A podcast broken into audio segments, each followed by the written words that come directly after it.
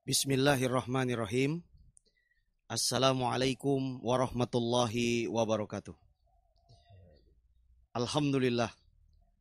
Hamdan kasiran tayyiban mubarakan fi. Ashhadu an la ilaha illallah wahdahu la syarikalah. Wa ashhadu anna Muhammadan abduhu wa rasuluh. Allahumma salli wa sallim wa barik ala Muhammad wa ala alihi wa sahbihi ajmain. Alhamdulillah di pagi hari ini kita berjumpa kembali dalam acara tanya jawab secara online bersama guru kita Al Ustadz Zulkarnain bin Muhammad Sunusi Hafizahullah Ta'ala yang insya Allah kali ini didampingi oleh Al-Ah Abu Umar Andri Matsa dan kita akan membacakan pertanyaan-pertanyaan secara online yang para pemirsa, para pendengar ajukan melalui Facebook atau saluran YouTube Zulkarnain Muhammad Sunusi. Nah, mudah-mudahan pertanyaan-pertanyaan tersebut bisa kita bacakan dan tentu dijawab oleh guru kita yang mulia Hafizahullah Ta'ala. Baik, ini sudah ada beberapa pertanyaan yang masuk kepada kita semua. Kita langsung ajukan kepada guru kita Ustaz Zulkarnain Hafizahullah Ta'ala. Baik, yang pertama Ustadz, ini ada pertanyaan. Yang pertama, Ustadz ketika saya masbuk, saya mendapati imamnya duduk di kursi karena sudah tua. Sedangkan makmum saya lihat banyak yang lebih layak secara fisik menjadi imam. Apa yang sebaiknya saya lakukan? terus ikut menjadi makmum atau sholat dengan secara sendirian. Ya. Bismillahirrahmanirrahim. Alhamdulillahirabbil alamin. Wassalatu wassalamu ala al-mab'uts rahmatan lil alamin. Muhammad wa ala alihi wa sahbihi wa man tabi'ahum bi ihsanin ila amma ba'd. Jadi kalau seorang mendapati imam dalam keadaan dia duduk boleh saja dia bermakmum di belakangnya. Dan syah baginya sholat berjamaah bisa yang menjadi pertanyaan dia mengikutinya dalam posisi duduk seperti imam atau dalam posisi berdiri.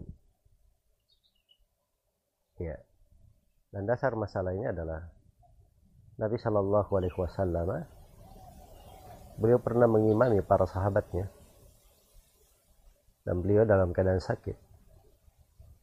Dan waktu itu beliau duduk dan para sahabat Rasulullah SAW berada di belakang beliau ikut sholat beliau. Ya itu dasar di dalam permasalahan.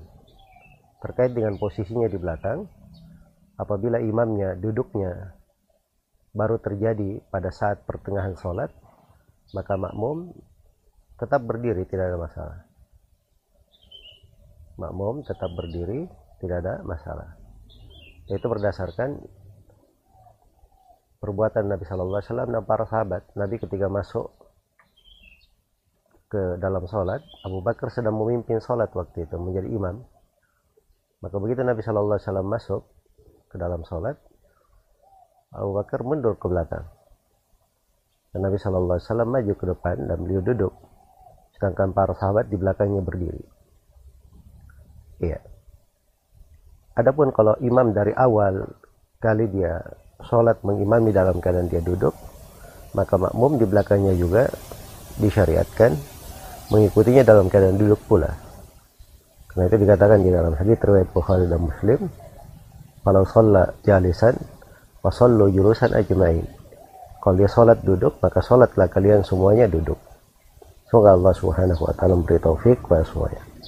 Ya. Pertanyaan berikutnya Ustadz Afwan bagaimana hukum ucapan seseorang yang mengatakan sayangnya pemerintahan kita mendukung adat istiadat yang penuh kesyirikan? Atau perkataan Departemen Agama telah keliru pada hal ini. Nah, saya mendengar hal ini ada di ucapan sebagian para dai, dai kita.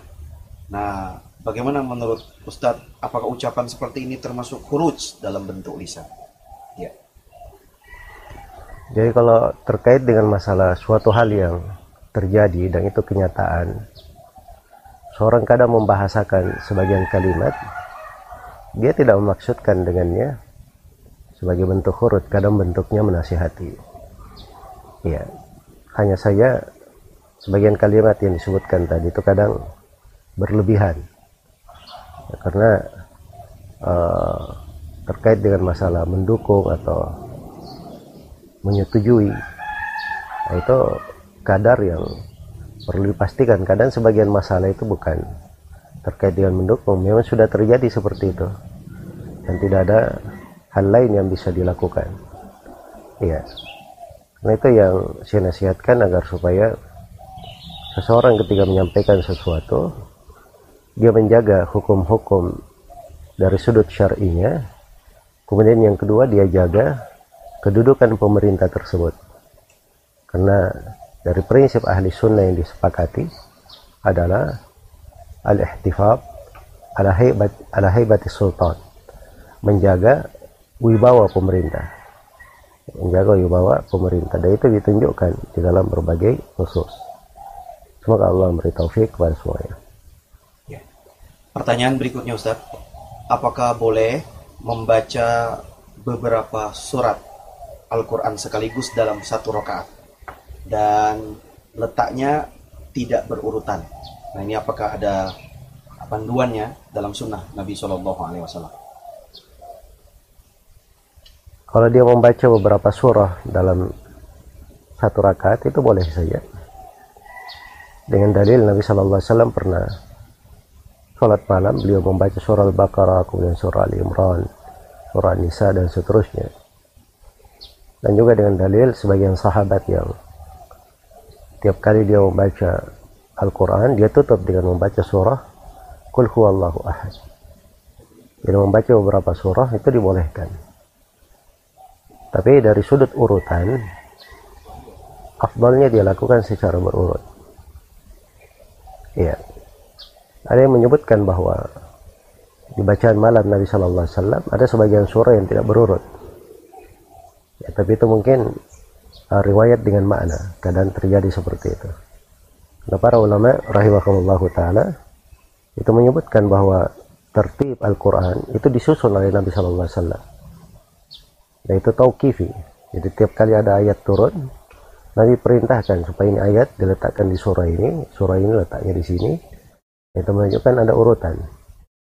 Karena itu seorang imam dari etika dan adabnya dia ketika membaca surah berurut tertib dari surah pertama hingga surah 114 dari surah Al-Fatihah sampai surah An-Nas. Ya dia berurut seperti itu tapi kalau tidak berurut itu tidak dikatakan dia melakukan hal yang diharamkan.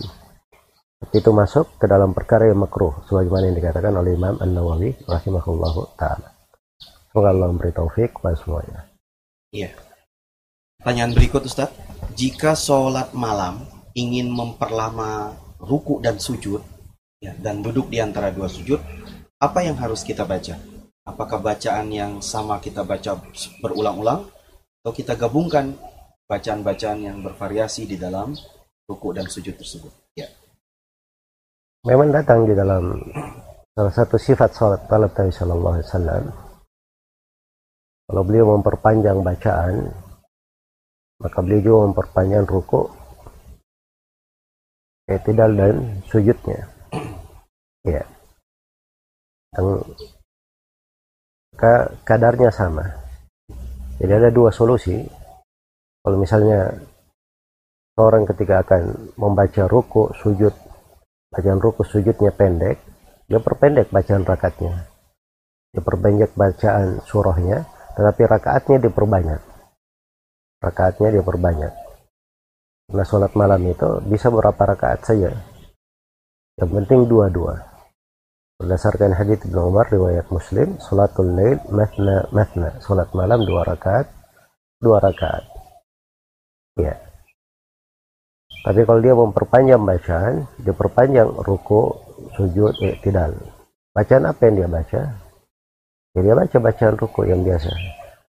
Kalau dia gabungkan beberapa doa yang diajarkan, kadang-kadang boleh saja dia gabungkan.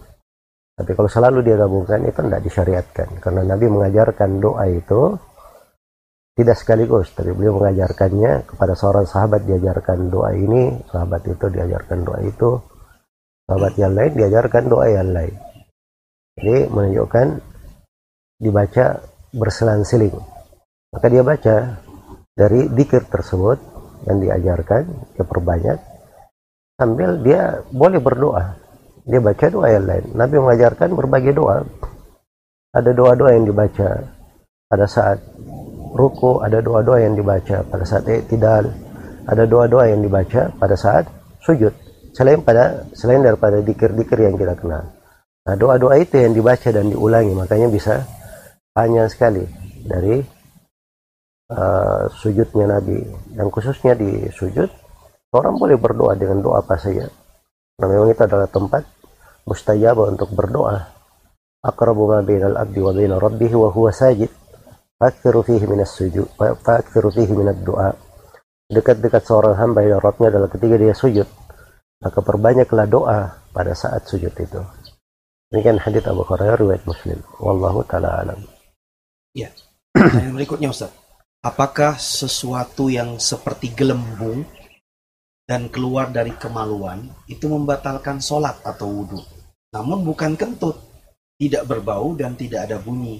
Apakah ini termasuk was-was syaitan? Ini kadang terjadi pada seorang perempuan. Kadang terjadi pada seorang perempuan. Ini dibahas oleh para ulama fikih tentang hukum seorang perempuan itu keluar angin dari depan. Itu kadang terjadi apabila telah melahirkan dan semisal dengan itu. Ada dua pendapat di kalangan para ulama ada yang memakai kaidah umum setiap yang keluar dari depan dan belakang itu dihitung sebagai pembatal wudhu ya.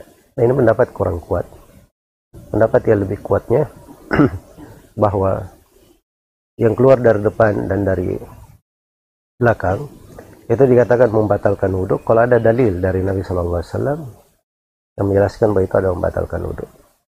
Maka sepanjang tidak ada dalil tentang hal tersebut maka angin yang keluar itu tadi atau gelembung kalau bahasa penanya itu tadi itu adalah hal yang tidak membatalkan wudhu. Insyaallah taala wallahu taala ya. Pertanyaan berikut Ustaz. Ini sunnah bersolawat. Ketika mendengar nama Nabi Shallallahu Alaihi Wasallam apakah yang dimaksud ketika disebut nama Muhammad atau disebut kata Nabi Misalnya ada yang berkata Nabi kita, tapi dia tidak menyebut nama Muhammad. Atau dia hanya menyebut Rasul kita, tidak menyebut nama Nabi kita. Dan bagaimana lafaz solawat yang paling minimal? Ya. Ya kalau disebut tentang Nabi kita Nabi Muhammad Sallallahu Alaihi Wasallam, apakah disebut namanya atau disebut sebagai kata Nabi atau Rasul, ya atau mengarah kepada penyebutan beliau misalnya kata beliau maka itu semuanya disyariatkan berselawat. Ya. Ada di dalam Al-Quran penyebutan salawat kepada Nabi ayuhalladzina amanu atau inna Allah wa malaikatahu yusalluna ala nabi. Ya ayuhalladzina amanu sallu alaihi wa sallimu taslima. Pokoknya Allah dan para malaikatnya berselawat kepada Nabi wahai orang-orang yang beriman berselawatlah terhadapnya dan bertaslimlah untuknya jadi arahnya di situ bukan terkait dengan penyebutan nama Nabi atau nama Rasul atau nama Muhammad. Tapi ketika beliau disebut, ya, dalam bentuk apa pun penyebutannya, maka disyariatkan untuk bersalawat dan bertaslim. Nabi Shallallahu Alaihi Wasallam bersabda, "Sallu alayya, man salla alayya, sallallahu alaihi ashran."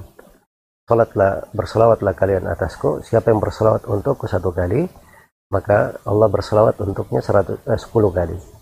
Nah, itu kata beliau kepadaku, atasku. Dia tidak sebut namaku atau disebut uh, gelarku.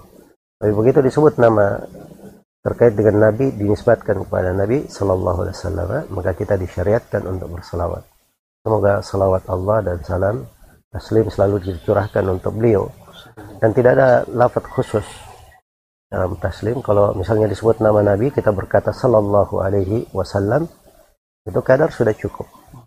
Kadar sudah cukup. Sudah mengandung doa. Tapi kalau misalnya dia di dalam sholat nah itu sholat ada lafat-lafat selawat yang diajarkan. Nah, kita di dalam sholat itu mengikuti bagaimana tuntunan Nabi Shallallahu Alaihi Wasallam di dalam sholat itu sendiri. Iya. Karena itu kata Sayyidina itu tidak di dipakai di dalam sholat sebab tidak ada pengajaran Nabi pakai Sayyidina di dalam sholat. Tapi di luar sholat boleh saja seorang berkata Sallallahu Alaihi Sayyidina Muhammad wa ali Sayyidina Muhammad itu boleh saja di luar sholat. Semoga Allah memberi taufik kepada semuanya. Wallahu taala alam. ya. Pertanyaan berikut Ustadz. Bagaimana kalau kita sholat dan ternyata keesokan harinya baru sadar celana di bawah selangkangan ada sobekan. Berarti dia terbuka orangnya. Ya. Eh, ada masalah ya dengan hal tersebut karena itu uh, sebuah apa namanya ibadah sudah selesai dan dia tidak tahu adanya kekurangan dalam ibadah tersebut apabila sudah dia lakukan dan sudah keluar waktunya maka sholatnya syah tidak perlu diulangi lagi Wallahu ta'ala alam. Ustadz apakah sohi zikir ba'da sholat fardu ada yang tasbih 10 kali tahmid 10 kali dan takbir 10 kali ya. itu sahih haditsnya dari Nabi Wasallam dikuatkan oleh Syekh Al Albani rahimahullah dalam sifat sholat Nabi dan dikuatkan pula oleh beberapa ulama yang lainnya. Itu alhamdulillah pilihan-pilihan. Ya, seorang boleh membaca subhanallah 10 kali, alhamdulillah 10 kali, Allah akbar 10 kali. Dia boleh membaca subhanallah walhamdulillah wala ilaha illallah wallahu akbar 25 kali.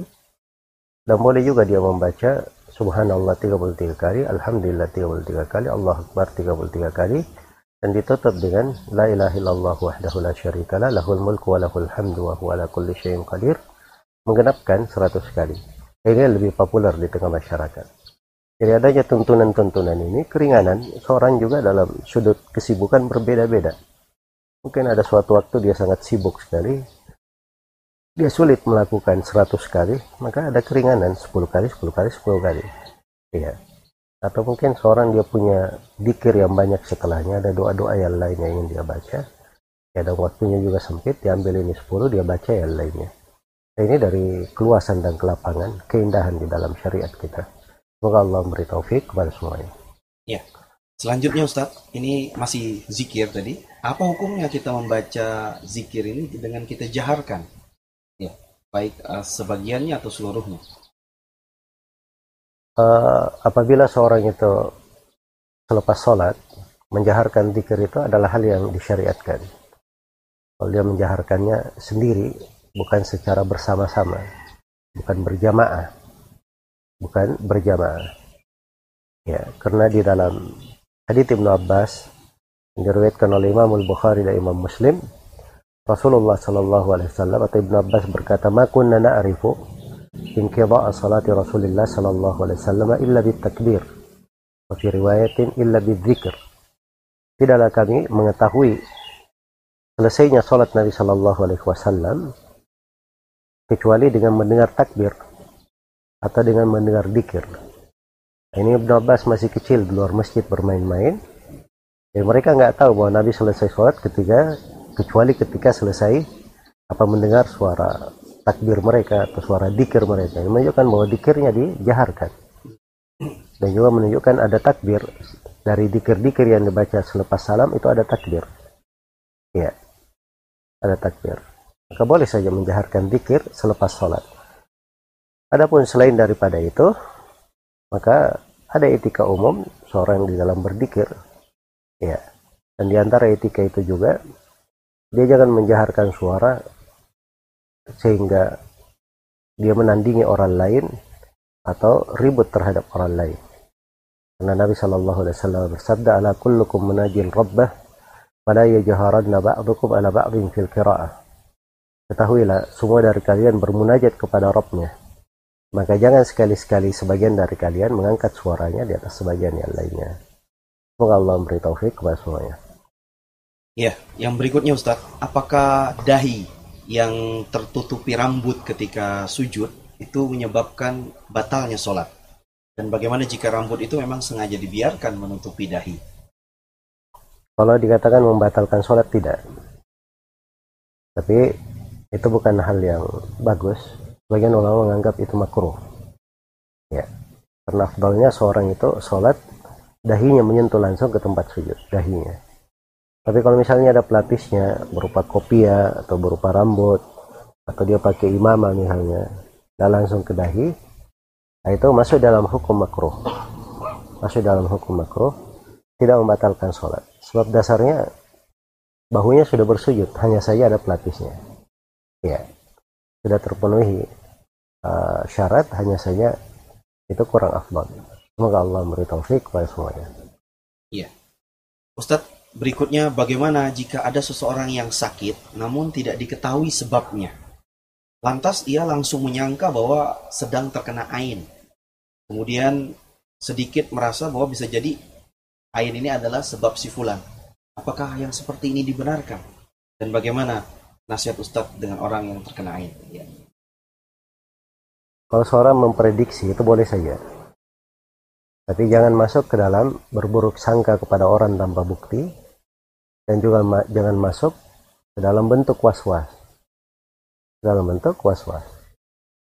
Orang sakit itu biasa lumrah biasa. Sebagian penyakit juga kalau dibawa ke dokter sebagian dokter kadang nggak tahu penyakitnya apa. Padahal dia benar sakit. Tapi belum tentu ada orang yang apa namanya melakukan tindakan jahat untuknya dan belum tentu dia ditimpa suatu ain misalnya dan belum tentu itu berasal dari saudara kita yang memandang dengan pandangan yang dia curigai itu sebagai ain. Maka harusnya dalam hal yang seperti ini seorang memperkuat tawakalnya kepada Allah Subhanahu wa taala. Jangan dia menyangka sesuatu kecuali kalau ada indikasi kuat akan sangkaannya. Ya, semoga Allah memberi taufik kepada semuanya. Ya. Ustadz, yang berikutnya, jika anak laki-laki mampu menikah, namun orang tua menolak, karena calon akhwatnya orang yang jauh dan tidak sesuku. Akhirnya anak tersebut jatuh bermaksiat. Apakah orang tua tersebut berdosa? Nah ini masalahnya diselesaikan dengan orang tuanya ya. Bicara dengan baik-baik kepada orang tua tentang pentingnya pernikahan bagi dia. Harusnya segera khawatir menjatuhkannya ke dalam dosa. Ya kalau ada solusi lain dia ambil solusi lain. Misalnya dia uh, ada calon lain yang dekat disetujui oleh orang tuanya maka dia buat hal yang baik di dalam hal tersebut. Iya. Nah, secara umum orang tua memang ya dia melihat apa yang terbaik untuk anaknya. Kalau dia punya pertimbangan itu haknya punya pertimbangan. Misalnya uh, calon menantunya jauh itu mungkin berat juga bagi orang tua berkunjung, menyambung hubungan kekeluargaan dan sebagainya. Itu ada hak hal yang memang lumrah dan perkara yang berjalan di tengah manusia. Ya semoga Allah memberi taufik kepada semuanya. Iya. Selanjutnya Ustadz ketika duduk di antara dua sujud atau duduk tasyahud, ke mana posisi pandangan mata kita Ustadz? Apakah ke tempat sujud atau ke arah telunjuk seperti tasyahud? Pada saat tasyahud itu ada syariat memang syah di dalam hadits Abdullah bin Zubair radhiyallahu anhu Nabi Shallallahu Alaihi Wasallam memandang ke telunjuknya, memandang ke telunjuknya. Ya demikian. Uh, adapun duduk di antara dua sujud tidak ada isyarat ya, tidak ada berisyarat. Tapi secara umum di dalam sholat itu orang jangan melihat ke kanan dan ke kiri, jangan melihat ke atas, dan juga jangan melihat kepada hal-hal yang bisa menyibukkannya dari sholat. Nah, itu tiga ketentuan. Tidak boleh ke kanan dan ke kiri karena Nabi melarang dari hal itu dan beliau anggap itu curian dari syaitan. Dan melihat ke atas itu lebih tegas larangannya karena dikhawatirkan akan dihilangkan pandangannya. Melihat hal yang uh, bisa menyibukkannya itu juga bertentangan dengan sabda Nabi Shallallahu Alaihi Wasallam inna fi salati syuglan. Sungguhnya dalam sholat itu kesibukan yang sangat menyibukkan. Jangan dia urus yang lain yang bisa melalaikannya dari kesibukan pokoknya di dalam sholat semoga Allah memberi taufik kepada semuanya. Berikutnya Ustaz. Bagaimana kalau mimpi bertemu sama suami atau orang tua yang sudah meninggal? Apa ada hal-hal yang harus diperhatikan Ya kalau mimpinya pada hal yang biasa saja, wajar saja. Ya. Maka itu menyikapinya sama dengan seluruh mimpi yang ada. Mimpi itu ya belum tentu dia punya makna. Belum tentu dia punya makna. Tapi kalau mimpinya membuat dia takut dan semisal dengan itu, itu kadang berasal dari syaitan. Karena itu mimpi ada tiga jenis. Disebutkan oleh Nabi Shallallahu Alaihi Wasallam. Ada mimpi datangnya dari Allah, ada mimpi itu datangnya dari syaitan. Ada mimpi itu datangnya dari bisikan diri sendiri. Dari bisikan diri sendiri. Ya maka ini tiga jenis. Seorang uh, menduga saja bahwa mimpi saya ke sini mungkin datangnya dari Allah. Dia lihat indikasi-indikasinya. Kalau misalnya dia sedang rindu kepada ibunya sedang rindu kepada suaminya tiba-tiba mimpi ketemu ibunya atau suaminya di dalam mimpi ya ini bisikan dari diri indikasinya seperti itu iya tapi kalau dia misalnya mimpi yang buruk dan dia tidak ada kaitannya dengan hal yang seperti itu itu mungkin indikasi itu datangnya dari syaitan nah itu pada dasarnya seorang itu ada apa-apa yang dia lihat itu tidak menghalanginya dari kewajiban-kewajiban syariat yang sudah tetap atas dirinya dalam kehidupannya. Semoga Allah memberi taufik kepada semuanya. Ini masih Ustaz, uh, berhubungan dengan mimpi. Bagaimana hukum tafsir mimpi? Jika kalau mau bertanya, ke mana harus mendatanginya? Apalagi yang berkaitan dengan hal-hal yang uh, menyangkut masa depan. Dan apakah ini termasuk bentuk kesyirikan? Tafsir mimpi itu ada. Tafsir mimpi itu ada. Itu bentuk dari ilmu. Karena itu Nabi Yusuf alaihissalam beliau diberi oleh Allah Subhanahu wa taala kelebihan di dalam mentakwil mimpi, menafsirkannya. Ya, dan itu ada ilmunya. Dan hingga hari ini ada di tengah umat ini orang-orang yang pandai di dalam menafsirkan mimpi. Ya, tapi jangan percaya orang-orang yang menafsirkan mimpi di televisi-televisi. Ya, itu kebanyakannya para pendusta dan orang-orang yang sembarangan di dalam berbicara. Sembarangan dalam berbicara. Juga ada buku yang dinisbatkan kepada Ibnu Sirin, katanya tafsir mimpi, dan itu tidak syah penisbatannya kepada Ibnu Sirin. Ada sebagian buku bagus ditulis di masa sekarang, beberapa dasar dalam menafsirkan mimpi. Jelas tafsir mimpi itu kadang dia berasal dari luasan ilmu seorang, kadang dia berasal dari firasat, dan kadang dia berasal dari ketajaman pemahaman. Ya. Semoga Allah Subhanahu wa taala memberi taufik kepada semuanya. Ustadz yang berikutnya, apakah boleh seorang penuntut ilmu membantah kekeliruan yang tersebar ya dari para penyebar kesesatan dan syubhat ini? Apa batasannya? Apakah yang harus membantah itu ustadz atau ulama atau penuntut ilmu boleh membantah dan menunjukkan kekeliruan tersebut kepada umat? Ya. Jadi kalau hal tersebut adalah hal yang jelas kekeliruannya, perkara yang terang kekeliruannya. Misalnya dia mencela Abu Bakar, mencela Umar. Terus dia katakan ini adalah orang Syiah Rafidhah. Ya. Nah, itu nggak ada masalah, sebab ini masalah yang jelas. Masalah yang terang. Tapi kadang masalah yang terang pula, kalau bentuk syubhat orang yang menyampaikannya itu tersembunyi, nah itu nggak bisa orang awam berbicara di situ. Dan kadang para penuntut ilmu biasa juga nggak cocok berbicara di situ. Iya. Nah itu saya sering mengatakan rahimallahu mura'an arafa qadra nafsihi. Semoga Allah merahmati seorang yang mengenal kadar dirinya sendiri. Jangan dia masuk ke dalam hal-hal yang bukan urusannya atau dia belum cocok untuk berbicara di situ. Karena dia kadang berbicara pada hal yang uh, belum posisinya untuk ke situ dari sudut keilmuan ataupun dari sudut bagaimana didengar ucapannya di tengah manusia.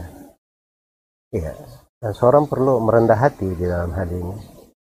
Jangan dia masukkan dirinya, mungkin niat awalnya ingin membantah kebatilan.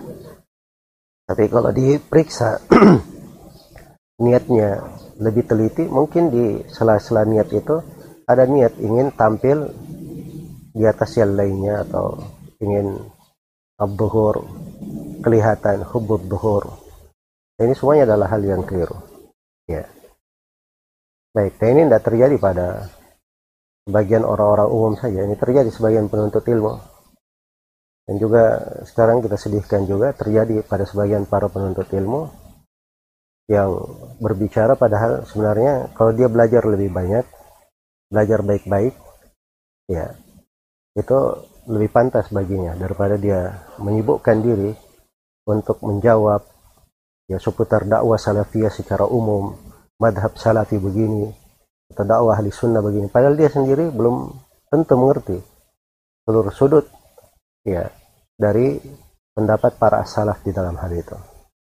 Itu saya sayangkan ya saya ketemukan dari belakangan ini ada yang berbicara tentang salafi independen lah ada yang bicara masalah katanya kaidah umum di dalam tahdir tidak cocok di masa sekarang ada yang bicara masalah ini berasal dari kalimat-kalimat yang karena kejahilan akhirnya dia nggak tahu hal hakikat yang sebenarnya cara berbicaranya bagaimana yang ada adalah kelancangan dan tidak mengerti kadar diri ya masuk di dalam hal-hal yang harusnya dibiarkan orang-orang yang layak berbicara dalam hal itu berbicara Nah ini hal-hal yang seperti ini kadang perlu diingatkan karena ini bisa memberikan bahaya. Semoga Allah memberi taufik kepada semuanya. Ya, Alhamdulillah kita lanjutkan pertanyaan berikutnya. Ustadz menghalalkan sebuah kemaksiatan dan yang semisalnya. Ya, dengan menafsirkan perkataan milkul yamin dalam Al-Quran. Nah ini bagaimana sebenarnya tafsir yang sebenarnya dari milkul yamin ini? Sebab ada orang juga yang membantahnya dengan mengatakan tentang perbudakan itu Islam telah menghapuskan perbudakan tersebut. Yang bagaimana yang sebenarnya dari tafsir hal-hal tersebut? Ya. Baik, yang pertama kaidah umum yang dikatakan oleh para ulama likulli qaumin waris. Setiap kaum itu ada pewarisnya. Jadi iblis ada orang-orang zindik. Orang-orang zindik Terus ada pewarisnya hingga hari ini. Itu yang disebut dengan seorang yang bernama Ibn Arabi, mulhid. Dia menulis buku judulnya Imanu Fir'aun. Keimanan Fir'aun. Jadi bagi dia Fir'aun itu seorang mukmin. Ya. Itu Masya Allah ya. Padahal umat Islam siapa pun dari orang yang baca Al-Quran dia tahu Fir'aun adalah kafir yang mengaku dirinya sebagai Tuhan dan uh, Nabi Musa memang diutus untuk mendakwainya dan dia tetap di atas kekafirannya. Dan pemikiran Ibn Arabi ini terwarisi. Tahun 90-an itu ada yang buat tema diskusi di salah satu universitas. Itu judulnya Fir'aun Mukmin Sejati. Fir'aun Mukmin Sejati. Ya. Di masa dahulu ada orang yang menamakan anaknya, dia punya dua orang anak. Anaknya yang pertama dia namakan Allah, dan anaknya yang kedua dia namakan Ar-Rahman. Itu oleh para ulama dikafirkan, dianggap kafir keluar dari Islam. Jadi kalau dilihat di dalam sejarah, para pengikut iblis kaum munafikin yang ingin merusak di tengah umat Islam, nah itu banyak sekali. Ya, termasuk siapa yang ditanyakan di sini.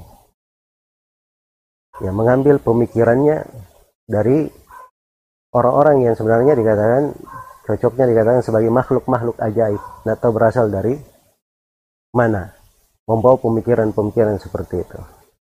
Muhammad Syahrur itu itu tidak dikenal sebagai seorang alim dan tidak ada yang mengenalnya dengan tulisan-tulisan dan karya-karya. Ya. Dikenalnya dengan ilhad, dengan kemunafikan. Seperti mengatakan misalnya di bulan Ramadan itu seorang boleh berpuasa, boleh berbuka. Ya. Dan termasuk apa yang diangkat di sini dari mulkul yamin itu dari kejahilan dan dari kebodohan di dalam memahami. Ya, mulkul yamin itu adalah kepemilikan. Pemilkul yamin kepemilikan. Pemilikan itu terjadi itu dengan suatu akad kepemilikan. Akad kepemilikan itu di dalam syariat ada aturannya.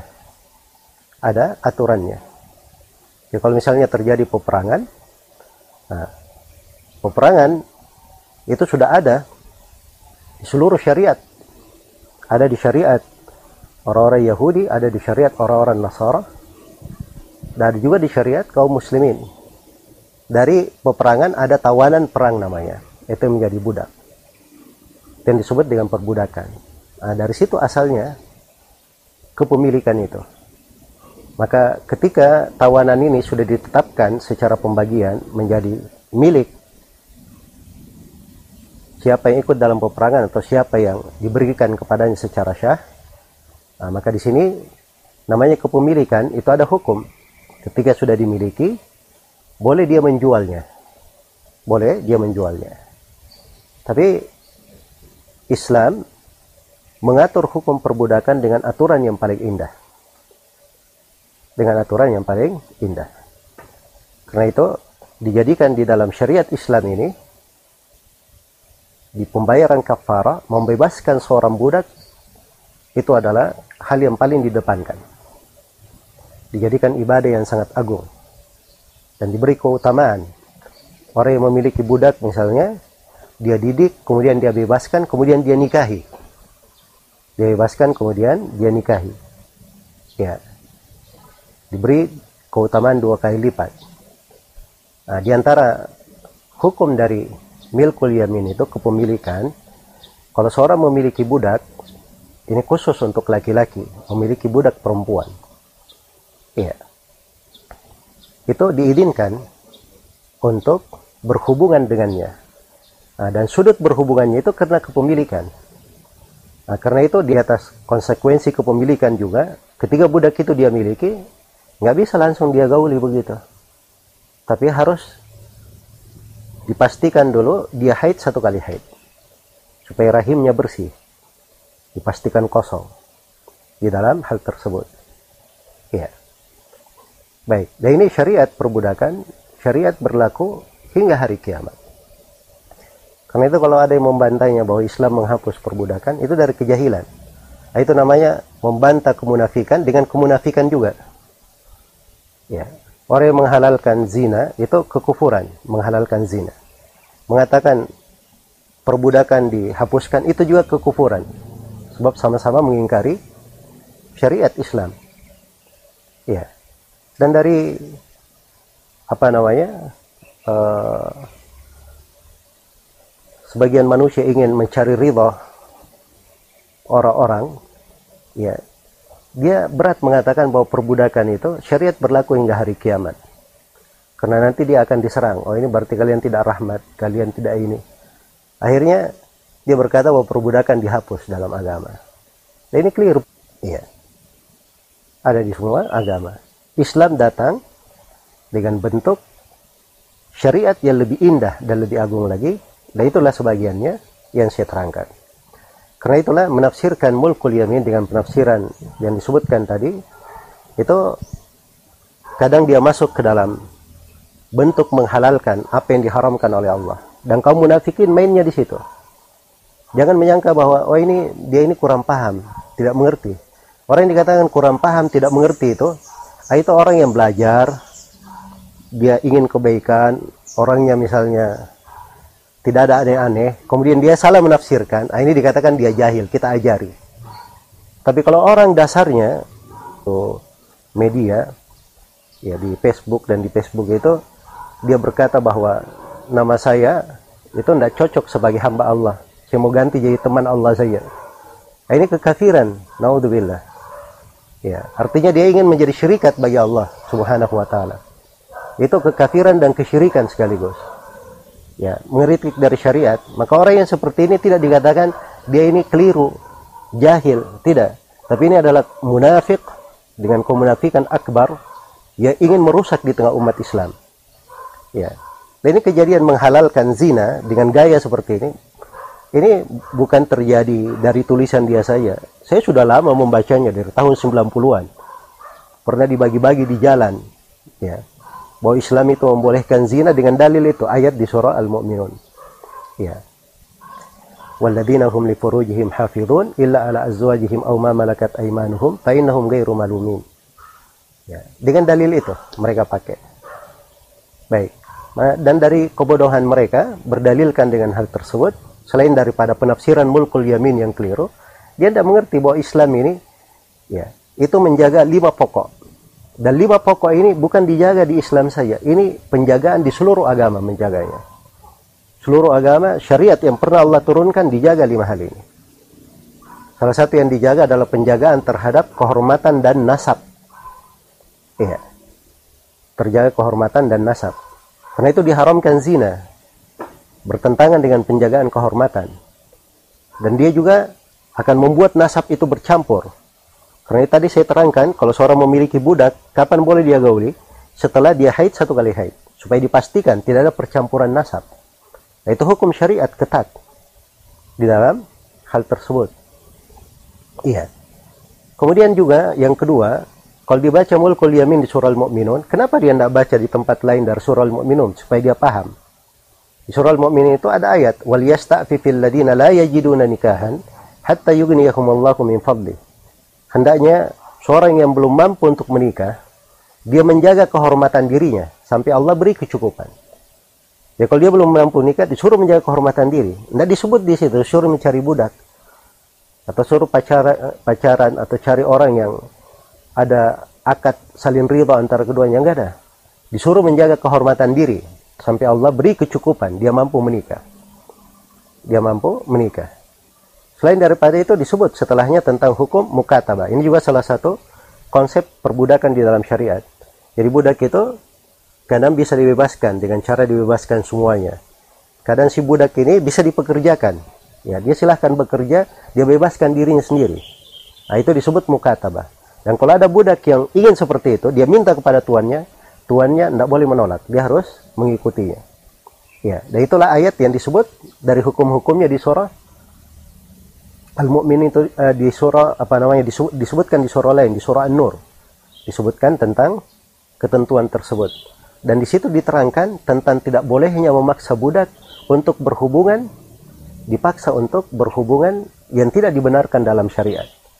Karena itu dikatakan wala tikrihu fatayatikum alal bigha'i in aradana tahassunan. Dan jangan kalian memaksa budak-budak perempuan kalian melakukan perbuatan zina kalau mereka menghendaki kesucian diri. Jadi budak pun kalau sudah dimiliki itu tidak boleh budak itu dikatakan digauli oleh orang lain tidak ini hanya diizinkan untuk dia saja, untuk pemilik. Untuk orang lain tidak boleh. Dianggap sebagai biga di dalam Al-Quran. Bentuk dari perzinahan. Ya, dan ini hukum-hukum di dalam syariat banyak. Karena itu, mungkin eh, peristiwa-peristiwa yang seperti ini, ini memberikan kepada kita pelajaran-pelajaran tentang pentingnya umat Islam mengenal agamanya. Kemudian umat Islam itu harusnya mengetahui bahwa ada di setiap masa, di setiap tempat, orang-orang yang ingin berbuat kerusakan dan ingin memasukkan pemikiran-pemikiran kekufuran di tengah mereka. Ada kaum munafikin yang terus merusak. Dan dimaklumi kaum munafikin ini bahayanya ya sangat besar sekali sampai diterangkan di dalam Al-Qur'an di berbagai tempat. Ya, bisa dibayangkan di surah Al-Baqarah penjelasan tentang orang-orang yang beriman lima ayat. Setelah itu dua ayat penjelasan untuk orang kafir. Kemudian 13 ayat penjelasan tentang sifat kaum munafikin. Sebab kaum munafikin ini bahayanya lebih besar terhadap Islam dan kaum muslimin. Iya. Maka kaum munafikin yang seperti ini itu harusnya diberi sanksi tegas di dalam hukum Islam. Karena itu Umar bin Khattab radhiyallahu taala anhu ketika muncul ada orang-orang yang berbicara tentang ayat Allah tanpa ilmu seperti Sabik bin Asal dia bicara tentang tafsir tanpa ilmu ini bukan munafik, ini orang yang menyimpang. Tidak disebut munafik dia, tapi menyimpang. Bersamaan dengan itu Umar memanggilnya. Kemudian mencambuknya dalam kisah yang masyhur. Dicambuk sampai dia pingsan. Kemudian di penjara sampai dia sembuh, didatangkan lagi, dicambuk sampai dia pingsan, di penjara. Ya, kemudian didatangkan lagi ketika dia sembuh dicambuk sampai pingsan di penjara didatangkan lagi. Barulah Sabik berkata wahai Amirul Mukminin kalau kamu ingin membunuh saya perbaiki cara membunuhnya. Tapi kalau engkau ingin saya bertobat dari pemikiranku persaksikan. Saya sekarang sudah bertobat. Maka Umar pun mengirim kembali dia ke negerinya kemudian memberi pesan kepada gubernurnya jangan mendekati orang ini. Maka setiap kali dia duduk di majelis tidak ada yang misalnya datang ke pasar dia di situ bubar orang-orang. Tidak ada yang mau dekat. Sampai ketika tobatnya sudah benar, maka Umar pun mengizinkan dia seperti kembali seperti sedia kala. Ya, itu pendidikan Umar dan terbukti ketika terjadi fitnah di masa Khawarij, Sobik ini diajak untuk melakukan kudeta juga ke pemerintah. Maka dia berkata, saya sudah dididik oleh hamba Allah Umar ibn Khattab. Saya tidak mau lagi melakukan yang seperti itu. Ya. Nah, ini penjagaan terhadap agama, terhadap masyarakat, Ya, jangan memasukkan orang-orang membiarkan manusia-manusia aneh seperti itu, para perusak membuat kegaduhan di tengah umat Islam, menginjak-injak dari prinsip-prinsip agama yang sudah sangat dimaklumi dengan pemikiran-pemikiran yang kotor.